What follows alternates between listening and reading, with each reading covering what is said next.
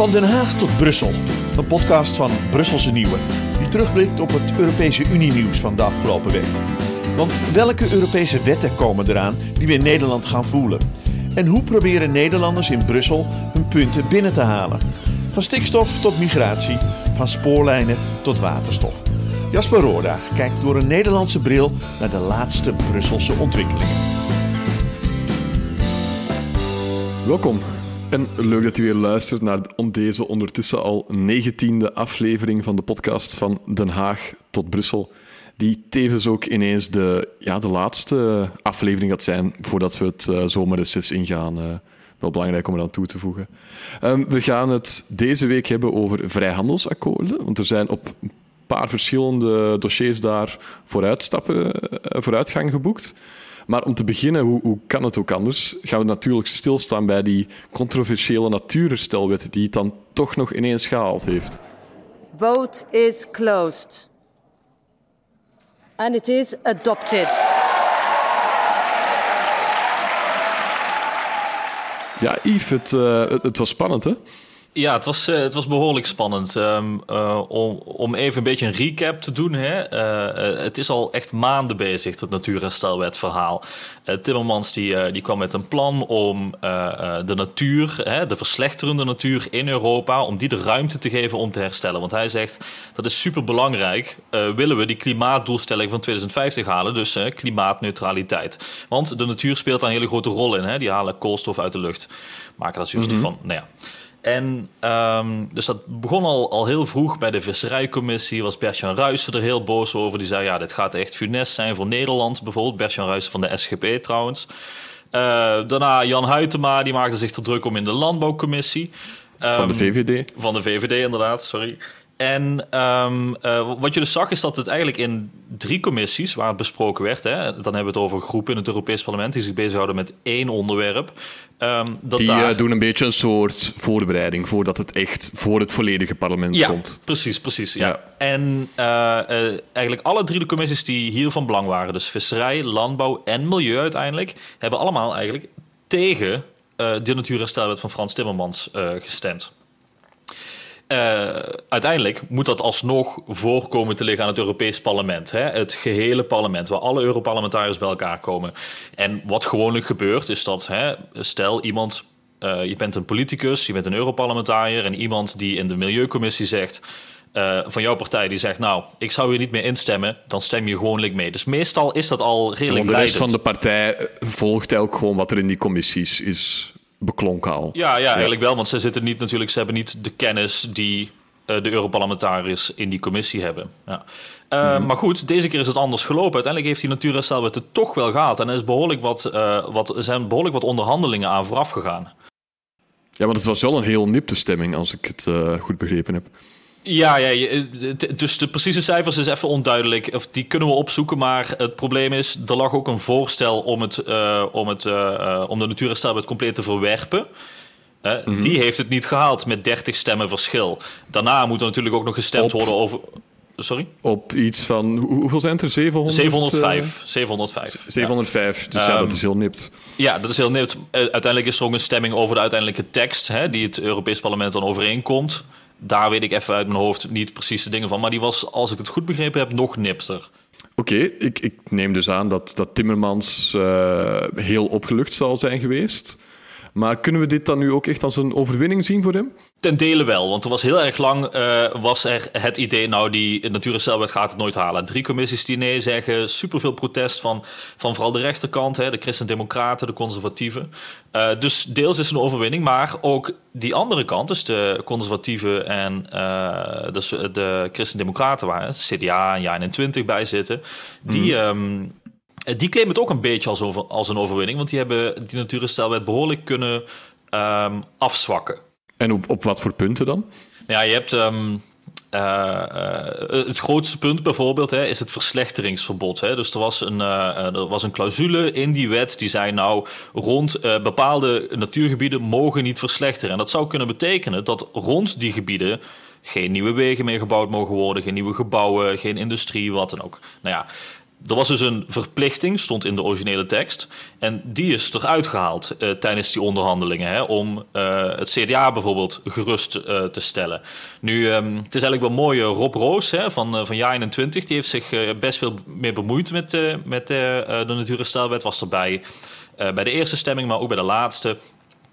En uh, die heeft op Twitter een, um, uh, een draadje gemaakt van 14, uh, 14 tweets. Mm -hmm. Waar hij eigenlijk over al zijn um, um, amendementen heen gaat. Hè? Dus aanpassingen dus aan de wet die hij voorstelde. Ja. Ja, ja. Dus hij gaat daar, daar overheen. En er is bijvoorbeeld eentje, dan zegt hij, nou, die, hebben, die komt door ons. Natuurlijk, er zijn vaak vergelijkbare amendementen. Maar er was bijvoorbeeld het idee om 10% van alle landbouwgrond in Europa, om die over een aantal jaar omgedoopt te hebben tot landschapselementen waar biodiversiteit kon, uh, kon bestaan en zo. Nou, dat is er dus door een amendement van Rob Roos uh, uitgehaald. Um, en bijvoorbeeld ook um, bij maatregelen, bepaalde maatregelen die zouden in eerste instantie alle landen moeten nemen. Um, terwijl door een amendement van Rob Roos dus weer is gezegd: nee, kijk ook naar de bevolkingsdichtheid. Als er heel erg veel mensen wonen, dan moet je anders uh, naar die maatregelen kijken dan wanneer je in een gebied zit als ja, Noord-Zweden of zo. Snap je? Ja, want dat speelt natuurlijk uh, heel erg in het voordeel van Nederland. Inderdaad, dat speelt heel erg in het voordeel van Nederland. Ja. Ja, ja, Maar dus uh, uh, uh, luisteraar, vooral zoek het even op. Want het is best interessant om even te zien. Al die amendementen, hoe dat tegenover het commissievoorstel staat, heeft hij heel leuk gedaan, Rob Roos. Oké, okay, ja, als, als het goed is, mogen we het ook zeggen natuurlijk. Ja, inderdaad, toch? Ja, ja, dat, ja. ja, ik vind het goed dat hij, dat hij eens laat zien hoe dat gegaan is, hoe dat proces in het Europees Parlement loopt. Hey uh, Yves, misschien tot slot nog. Um, het, het, is natuurlijk met die Brusselse wettenfabriek, daar zitten heel veel tussenstationnetjes en, en zijroutes in en, en, weet ik het allemaal. Is het nu dan het definitieve eindstation of uh, gaat het gewoon verder? Nou, het is, uh, het is zoals bij eigenlijk alle Europese wetgeving, duurt het altijd wel even tot het definitieve eindstation bereikt is. Maar Um, wat je nu hebt is, je hebt het standpunt van de Europese Commissie, hè, dat, is, redelijk, dat is redelijk streng. Dan heb je het standpunt van het Europees Parlement, dat is redelijk afgezwakt inmiddels. En dat van de lidstaten, dat is ook uh, redelijk afgezwakt. Wat nu gaat gebeuren is dat ze met z'n drieën eigenlijk om tafel gaan zitten om tot een gezamenlijke tekst uh, te komen. En daarna pas is het echt officieel wetgeving. En dan gaat het ook in landen uh, gelden. En uh, wat verwacht je dat er uit die onderhandelingen gaat uitkomen? Dat moeten we natuurlijk nog even gaan zien. Maar hè, zoals ik al zei, je hebt uh, de commissie behoorlijk strenge voorwaarden. De andere twee, het Europees Parlement en de lidstaten, die zijn wat zwakker. Dus waarschijnlijk gaan zij proberen, hè, die laatste twee gaan proberen om um, uh, de standpunten van de commissie iets omlaag te halen. Uh, dus we gaan waarschijnlijk een, een, een uh, uiteindelijke tekst zien die minder streng is dan de Europese Commissie verwacht had. Nou, dat maakt het Europees Parlement blij, dat maakt de lidstaten blij, want dat betekent minder verantwoordelijkheden. maar um, dat maakt ook de, de, Europese Commissie blij, want Frans Timmermans die zei nog na de stemming: jongens, nog steeds wil ik hierover onderhandelen. we zijn nog steeds flexibel, want Frans Timmermans die is vooral blij dat die natuurherstelwet het tot zover gehaald heeft. En hij wil dat die uiteindelijk een wet wordt en niet dat dit nog blijft liggen tot na zijn eigen uh, termijn. Hè? Over een jaar is het afgelopen. Um, dus uiteindelijk lijkt het erop dat iedereen redelijk uh, tevreden gaat zijn. Maar even iets anders. Uh, je hebt je verdiept in een vrij handelsakkoord met Nieuw-Zeeland. Dat is een redelijk klein land, best ver weg. waarom is dat nou zo relevant? Ja, nee, ik, ik, ik snap je verbazing. Uh, en misschien allereerst, dus ja, je legt het goed uit. De premier van Nieuw-Zeeland is op bezoek gekomen in Brussel. En die heeft samen met uh, de voorzitter van de Europese Commissie, Ursula von der Leyen, uh, de, de, handtekening al gezet onder het vrijhandelsakkoord. Moeten nog wel de parlementen erover gaan, maar dat, dat lijkt. Uh, dat zal waarschijnlijk niet zo moeilijk worden. Dus dat lijkt bijna bij de eindstreep te zijn. Maar ik, ik snap wel dat, dat, je het zegt. Het is natuurlijk niet zo'n heel groot land, niet zo'n heel grote economie. Maar toch is het wel echt een, uh, een leuk vrijhandelsakkoord om bij stil te staan. Maar uh, waarom is het juist zo interessant uh, dan? Ja, het is eigenlijk een beetje een soort blauwdruk voor hoe dat de strategie, de handelsstrategie van de Europese Unie wat aan het veranderen is doorheen de jaren. Daarvoor moet je elk een beetje uitzoomen. Is misschien belangrijk om uit te leggen. Vroeger was buitenland op Europees niveau een beetje een taboe-thema. Dat wouden de lidstaten bij zichzelf houden. Maar die huidige ploeg dat daar zit in het uh, Berlemont-gebouw in Brussel, de, huidige ploeg van de Europese Commissie, die wordt ook wel eens de geopolitieke commissie genoemd van Ursula von der Leyen. En dat, dat heeft er ook alles mee te maken met dat er de afgelopen jaren natuurlijk veel is beginnen verschuiven. Een uh, Amerikaanse president, Donald Trump, die zich uh, niets meer aantrok van de Europese vrienden. Een oorlog in Rusland, de, de Chinezen die steeds assertiever werden. En daardoor is er een beetje een besef uh, beginnen doordringen van ja, het is wel tijd dat wij als EU ook op dat geopolitieke wereldtoneel echt de teugels in handen nemen.